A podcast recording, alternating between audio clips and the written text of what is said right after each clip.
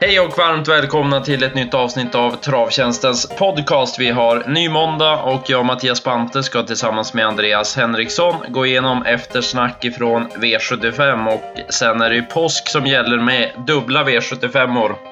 Och dessutom V86 som vanligt på onsdag där vi har tidiga idéer, så häng med!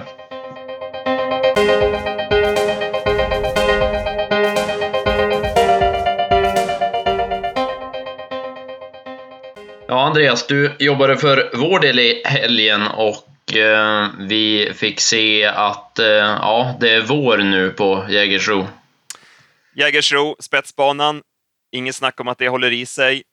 Det är, speciellt den här årstiden är det otroligt svårt att ta någonting från kön och eh, vi började också med en spetsvinnare i V751. Ja, eh, Ulisse Kronos kunde tidigt komma till spets och sen, sen gjorde väl Ludde som, som vanligt med den här hästen får man säga. Han, han drog i jämnt hårt tempo och gav de övriga inte en chans att komma i närkamp. Jättebra intryck på eh, vinnaren tycker jag. Han eh, visar redan i värmningen att han eh, blir lite rappare och mer fokuserad för varje start. Han var ju lite lättad i balansen den här gången också och det slog väl ut. Loppet blev ju helt annorlunda när Cantona America gjorde bort sig med galopp efter 100 meter. Då kunde ju Ludde köra till spets. Och det blev ju sen en uppvisning i sedvanlig Colgini-style. Han drog hårt i ledningen och var ohotad. Ja, nej, han var riktigt fin och det var väl, eh, det var väl nonstop Cheri bakom som jag tyckte gjorde ett bra lopp som, som tvåa där annars. Vad tyckte du om övriga? Nej, det blev ju ganska billigt ändå. Eh, även om hästen gick en bra tid så ska vi säga det att den här banan var ju hypersnabb den här dagen så att man ska nog inte stirra sig blind på tiderna den här gången. Eh, Valentin som vi trodde en del på, han var ju bara dålig. Eh, tappade ju från start och sen såg det ut som att det var Nordis som var ute i tredje spår sista varvet där. Han var ju ja, helt utan chans. Ja, det hände verkligen ingenting och eh, när han får rycka upp sig. Ja, jag gillade ju inte intrycket på Cantona America heller. Redan i provstarten såg man att det var inget riktigt drag i han och den här barfotakörningen gav ingen positiv effekt på honom. Så eh, det var en eh, skrikhäst som svek. Eh, det var väl av de övriga, den eh, berghästen där, Corode Vandell, mm. gick väl rätt så skapligt till slut faktiskt. Den borde väl vinna något lopp på, på lång distans i klassen i alla fall. Ja, jag har fått ett par lite vässande lopp här nu, så den är absolut aktuell i lite enklare sällskap nästa gång. Eh, om vi går vidare till V75 2 då sedan så, ja det var, det var körning här också. Det var lärlingar och eh, ja, det blev full fart från början till slut vilket gjorde att Dearfriend vann på 12 och 2. Ja, det är ju, de här loppen är ju roliga alltså. Lärlingslopp, eh, spårtrappa, storlopp, full körning som du säger. Vi var ju inne på att Flashing Victory skulle ta en längd på Different In och det fick vi rätt i, men sen kom ju Likasi i full fart och det blev lite fel där för Maxim som var tvungen att släppa och man bytte positioner. Och sen kom ju Ulrika Heinesen. Kevin Svedlund körde ju offensivt med henne och då var ju Maxim tvungen att släppa. Så det blev helt fel för Flashing Victory. Ja, nej, hon fick inte. Det blev inte loppet som de nog hade kört i badkaret direkt. Nej, och Dear Friend, hon har ju gnuggats nu mot lite årgångshästar. Var ju bra mot Cadelicio näst senast och nu fick hon betalt och hon var bra. Jag trodde ju stenhårt på Ilona Håleryd efter värmningen, eh, spikade henne på slutspelet. Eh, såg ju ruskigt fin ut i uppvärmningen och hon gjorde ju ett jättebra lopp också. Jag hade 09 sista 800 i tredje, fjärde spår. Fick ju sent svar där, där Mark Elias gick ut med Red Hot Metallimo av någon eh, märklig anledning. Eh, så det kostade förmodligen seger, men Ilona gjorde ett bra lopp. Ja, jag tyckte de var riktigt bra de här två och eh, ja, de, de duger i tuffare sammanhang än att vara med i lärlingslopp, de, de här två hästarna i alla fall. Vi måste ta med oss eh, Ulrika Heines också som fick en stentuff inledning i tredje spår fram till ledningen och höll tappert. Så att, eh, tre bra, riktigt bra hästar och ett sevärt lopp blev det. Jag tog med mig en skräll där bakom sen också. Eh, Kendra Silvio konstrade ju innan start och tappade mycket där. Hon gick rätt så bra bakom hästar i upphämtningen sen. Den satt ju fast gången innan, så jag tycker man ska passa Kendra Silvio av, av de övriga där. Eh, Tricia testades barfota runt om för andra gången i karriären, men det blev galopp för hennes del. Ja, det blev det. Jag, tyck jag tyckte hon såg fin ut i övrigt, så att... Eh, ja, vi kan nog fortsätta ha, ha lite span på henne ändå. Eh, gulddivisionen sen så var ju Mosaic Face storfavorit. Han fick ett bra lopp i anrytter i hårt tempo, men det spelade ingen roll för han var inget bra alls och slutade fyra i målet. Eller var det 12-årige springer om som fick vinna guld? Ja, jag vet inte om det var ett bra lopp för Mosaic Face. Han måste nog vara med där framme och kanske helst ta ledningen känns det som för att han, för att han ska vinna nu för tiden. Han har ju lite svårt den sista biten. Eh, det blev ju konstigt det här när Fire to the Rain höll ledningen. Det överraskade ju oss. Och eh, Oskar J. Andersson valde ju då att svara dödens med Rocco Winner när Mosaic Face var på väg i tredje spår. Givetvis så tänkte Oskar att eh, Ingves släpper till Ludde annars och att då blir det dödens på Mosaic Face. Eh, har du pratat med Oskar någonting efter? Ja, bara kort sådär. Jag vet att han sa att Rocky blev het också när, eh, när Ludde vred på där och tog i självmant. Så att det kanske var li, lite dubbelt så att, att eh, både tanken och svar och att han kanske inte hade något val heller när Rocky ville, ville springa. Mm. Nej, Mosaic Face där, han, som du säger, han fick ju ta andra utvändigt då och gick ju på i tredje spår i sista sväng. Men det var inget drag i honom. Ludde var ju också lite, inte självkritisk, men han var ju lite inne på att han hade nog behövt köra barfota för att han skulle ha chans. Men, eh, ja, frågetecken ändå kring Mosaic Face måste vi sätta. Ja, nej, det var ju helt annat intryck kontra årsdebuten, så att eh, ja, vi får se. Han har ju rest sig förr. Ja, och springer om, som du säger, en 12-åring som vinner gulddivisionen. Det är otroligt imponerande och man måste ju lyfta på kepsen för kretsen kring hästen han har ju nio liv den här verkligen och kommer tillbaka flera gånger. Så eh, det är imponerande, även om det här loppet blev ganska billigt. Ja, nej, det var det jag tänkte säga. Jag vet, inte vad man ska säga om en sån som Flex Lane tyckte jag såg ganska fin ut som, som femma, men jag vet inte vad insatsen i sig sa. Han fick ju inte riktigt chansen och hängde med bra där. Jag tänkte om en sån kan, kan vinna lopp mot lite enklare konkurrenter snart, eller om det kanske var som du säger att loppet blev lite billigt och det ja, såg tror... bättre ut än vad det var. Ja, jag, jag lutar åt det. För Västerbotten News fick ju luckan där och såg ju nästan segerfarlig ut, så att det säger väl en del om loppet. Eh, vi lämnar guld då och så går vi till V75 4. Det var ganska så svårlöst spetsstrid på förhand där det fanns många olika scenarion men att spets skulle bli viktigt var, var en hel del inne på. Det blev ju så också för det blev Friend of Nature och Ludde som, eh, ja, de, de vann ganska lätt det här loppet ändå får man säga det blev ju ett galoppfyllt lopp. Det var ju voltstart, eh, orutinerade hästar, lägsta klassen, eh, flera hårt betrodda som hade knepiga utgångslägen. Spår 2, spår 4, spår 5. Där hade vi favorit, i alla fall hårt betrodda hästar och det blev ju galopp på samtliga. Så att eh, Friend of Nature har ju alltid sett ut som en fin häst. Det är en fin modell det här, men han har ju mest sprungit och bromsat i loppen och inte riktigt eh, förstått vad det går ut på. Men det verkar som att han är på rätt väg i alla fall, även om som sagt loppet blev rumphugget. Ja, nej, det var, det var lite uppryckning på Friend of Nature ändå får man säga. För han, han åkte ju dit till spetsen för någon start sedan och då tyckte man fortsatte där att det var, men Ludde var lite inne på det att han, han kommer allt eftersom så att det eh, var en, en positiv insats. Jag vet inte vad man ska säga om det här loppet bakom riktigt på, av de övriga. Var det någon av dem som du kände något för? Nej, det var inte det, utan det var ju mycket galopper eh, och sådär i det här loppet. Så att, eh, CD Star var ju snabb efter galopp, men det är ju som vi brukar säga, prestationer efter galopp, det är ingenting, snabba tider efter galopp, det är ingenting man direkt eh, tar med sig så, utan nej, jag hade inget speciellt i det här loppet. Ja, och Winners Wine blev det som sagt galopp, för jag tyckte han såg väldigt fin ut annars i både värmning och eh, provstarten, men det var, ju, det var ju lite att säga om loppet när han var borta tidigt. Eh, V75 5 sedan då så trodde vi att det skulle vara lekstuga för Didis Hitman och eh, ja, det får man säga att det blev också. Det underlättades ju av att Bravo Navarone galopperade och Breidablick Nubbe inte var något bra, men han hade lekstuga Didis Hitman som Jonny tog och körde fram med och sen, sen satt han väl mest bara och tittade på de övriga. Ja, det var ju klassblandning. Det blev ju så. Eh, jag hade 10-8 hitta sista 1200 på honom och eh, han är ju speciell i stilen. Han, han sa ju det Johnny efteråt också, att han har en konstig teknik hästen, men ett fantastiskt löphuvud. Och, eh, Johnny tyckte att han bröt mindre i svängarna den här gången, så det var ju positivt. Och eh, det är en riktig klasshäst alltså. Det är spännande att se framöver här om, om han kan ta steget in i eliten. Han måste ju skär, slipa lite på tekniken, måste bli lite snabbare från start. Men att det finns eh, grym kapacitet av hästen, det är ju inget snack om.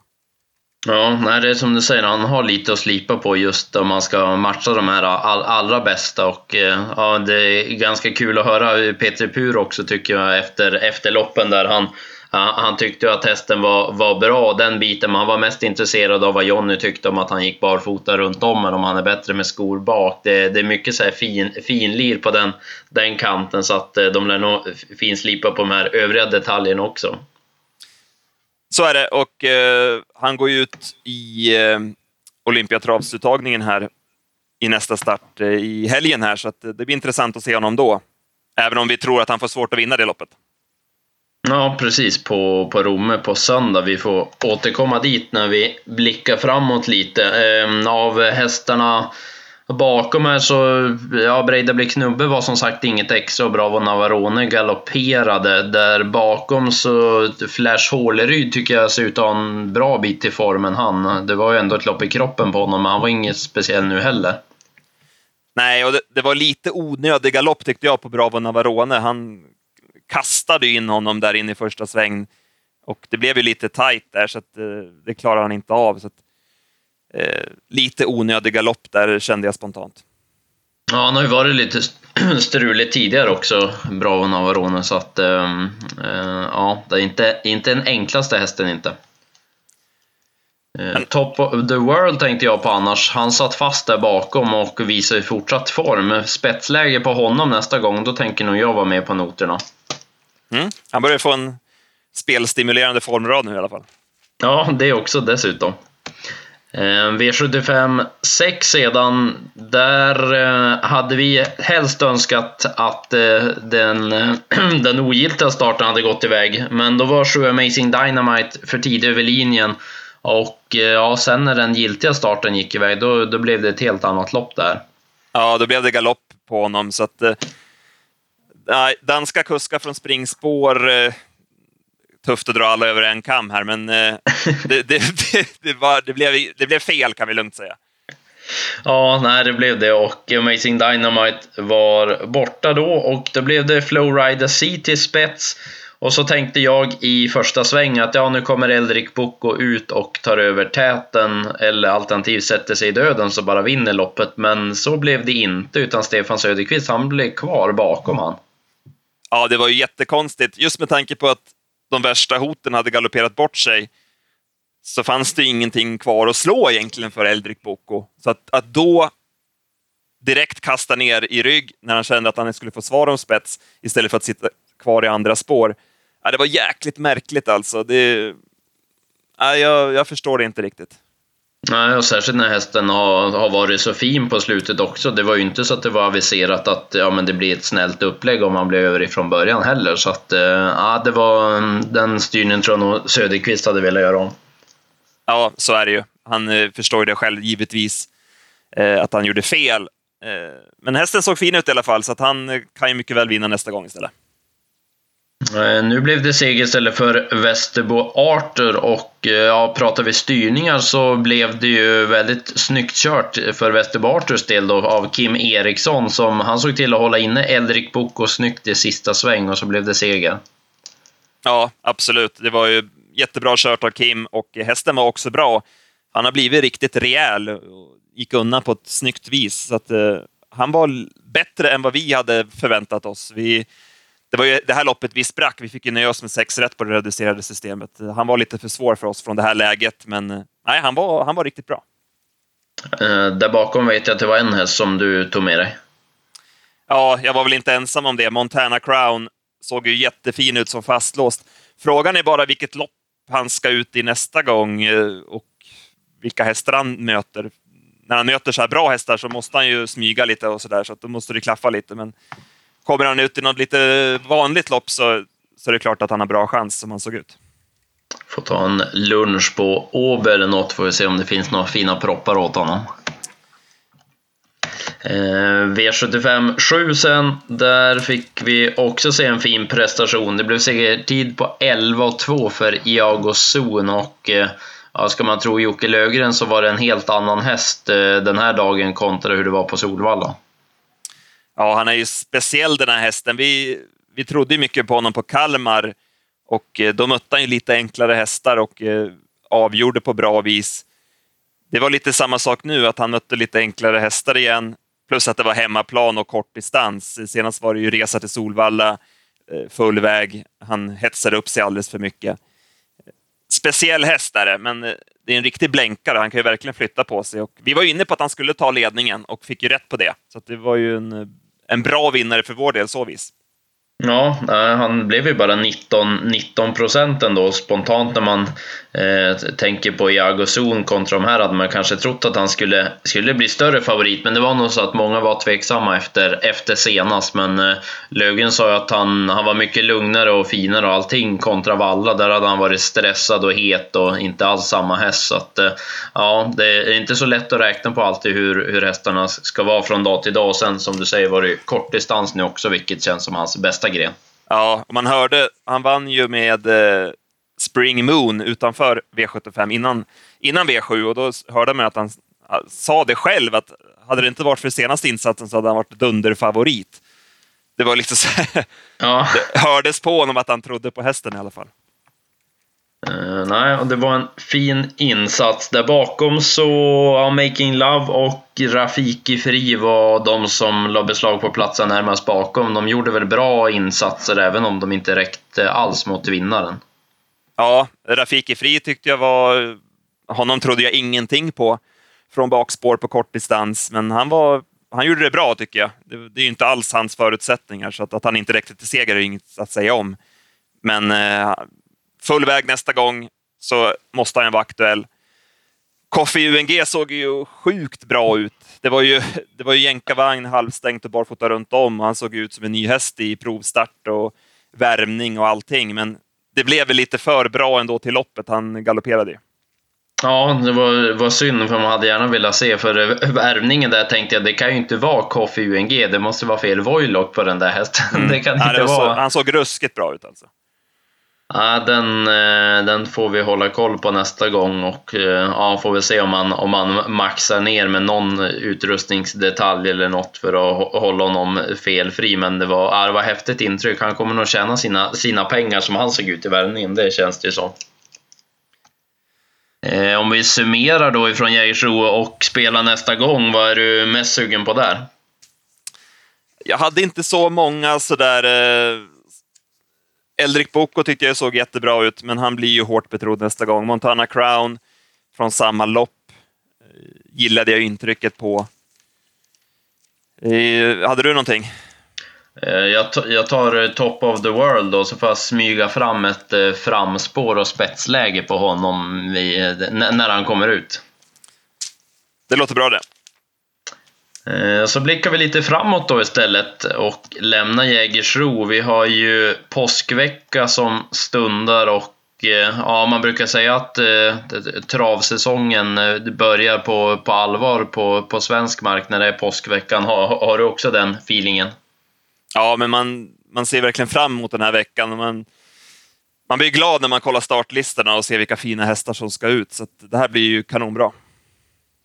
Eh, vi kan väl börja med V86 på onsdag innan vi tar de här påskdagarna som kommer. Det är ju mm, vår favoritkombination Åby-Valla på, på onsdag och eh, ja, det såg väl inte helt lättlöst ut på förhand. Nej, det kändes eh, lurigt och det var ju, det var ju som igår också på, på Valla när det var Grand Slam, ingen vinnare. Det var en omgång som vi sa att den här omgången är ruskigt svår Eh, vi, vi skämtar lite in, internt där att istället för en krona raden så borde det varit 25 öre raden. För det ja, var så pass, så pass svår omgång och det visade sig rätt också. Vi satte ju båda spikarna men var ändå chanslösa på att sätta alla sju rätt. Så att, eh, det var riktigt rolig omgång och det var roliga lopp på Valla igen tyckte jag här. Ja, eh, såg så ut vid första titt. Jag tror att jag har en vinnare i V86 2, ja. Ehm, på, på just Valla. Det är ju stayerdistans där, 3140 meter och eh, jag, jag tror att 6 Didis Perseverance är en, en bra vinnare. Den eh, gjorde ju comeback senast och eh, det var ganska låga rapporter på honom då. Eh, det skulle vara vanlig vagn, öppet huvudlag och skor på honom. Men eh, vi hajade till lite, jag och du som eh, var på plats och såg värmningen, att han såg så otroligt fin ut för att vara honom. Och eh, han gick ju helt okej okay i loppet. Och eh, nu med ett lopp i kroppen, kanske lite ändringar och så. Dessutom passande motstånd och bra distans tyckte jag. Så jag tror att Didis Perseverance kommer vinna V86.2. Ja, det köper jag verkligen. Han brukar ju se lite knölig och tråkig ut sådär innan loppen, men han var ju smidig och fin och vi, vi hade ju rankat ner honom då, men blev lite bakrädda så, så bra som han såg ut innan loppet. Så den eh, köper jag absolut. Um, sen då blir det ju påsk för hela slanten sen. Ehm, um, V75 på Färjestad på, på fredag och uh, ja, det, det lär gå undan i V75 7 som ju är prins Carl Philips jubileumspokal. Det var ett uh, häftigt race på förhand att smyga fram startlistan till. Ja, det brukar ju vara en riktig fartfest det här loppet och allt talar väl för att det blir så igen, va? Ja, det var verkligen känslan och lite intressant lottning också med ett par, ett par snabba där innanför och så hetsige twisterbi från spår 8. Det, ja, det, det är bara att ha klockorna redo på, på fredag. Ja, det kändes inte som att det var någon sådär som stack ut som man kände att, att den här är bara bäst. Så att, eh, lite fundera på kring det loppet. Ja, Ehm, jag tror att jag har en vinnare även här i avdelning 2, eh, lärlingsloppet. Jag spelade in podcast med Jakob Eriksson när jag sa att RK King såg jättebra ut senast eh, och spurtade bra på V75. Eh, den hästen startar nu i V75 2 på fredag. Och Eh, det såg ut att kunna bli bra fart. Eh, ha, ha bakspår den här dagen på Färjestad brukar inte vara någon hit i sig, men ska man ha det i något lopp så är det nog i lärlingsloppen. Och eh, flera startsnabba där framme och ja, sen, sen tror jag Erko King är bäst helt enkelt. Jag tycker att det var passande motstånd för honom, så det är min vinnare i V75 2. Fan, det haglar vinnare här. Jag måste kontra med någonting då. Vi får väl bläddra vidare till V75 söndag, Romme. Jag har ett, mm. eh, en, en, rolig idé i alla fall i V75 1. Eh, Sex Sugar Makes Me Crazy blir ju stora skrikhästen med tanke på hur han gick senast. Det var väl 08 tempo sista 400-500 metrarna på honom och springspår och Erik. Men det är ändå första gången med voltstart här, så det kan ju vara lite lurigt trots allt. Och det är snabba hästar invändigt. Det bästa för mitt skrälldrag vore om ett Alexis Cubano lyckades hålla upp ledningen och att då nummer åtta Kekko Boko kan hålla ryggen. Jag tyckte han såg otroligt bra ut i kvalet. Nu har han inte startat på eh, ja, två år nästan, så det är kanske tufft att begära att han ska gå ut och vinna direkt. Men eftersom Timo tar ut honom på V75 direkt så måste han vara nöjd med hästen. Och som sagt, som han såg ut i kvalet, eh, gå in och kolla på det. Det bör finnas på Youtube. Eh, så måste han vara intressant direkt. Så att, eh, en rolig eh, formrad har han ju, så att han borde inte bli så mycket spelad heller. Så passa upp för Kekko Boko. Ja, jag köper, köper det. Jag var ju på plats på Valla och själv såg, såg det. Så att, äh, som, som du säger, lite vingeläge också på Sugar Makes Me Crazy kan det ju bli när det är första i, i volt sådär. Så att, äh, ja. ja. vi, vi, vi tar Kekko Boko och så äh, var vi väl ganska överens om spiken i den här omgången direkt vi, vi såg listorna.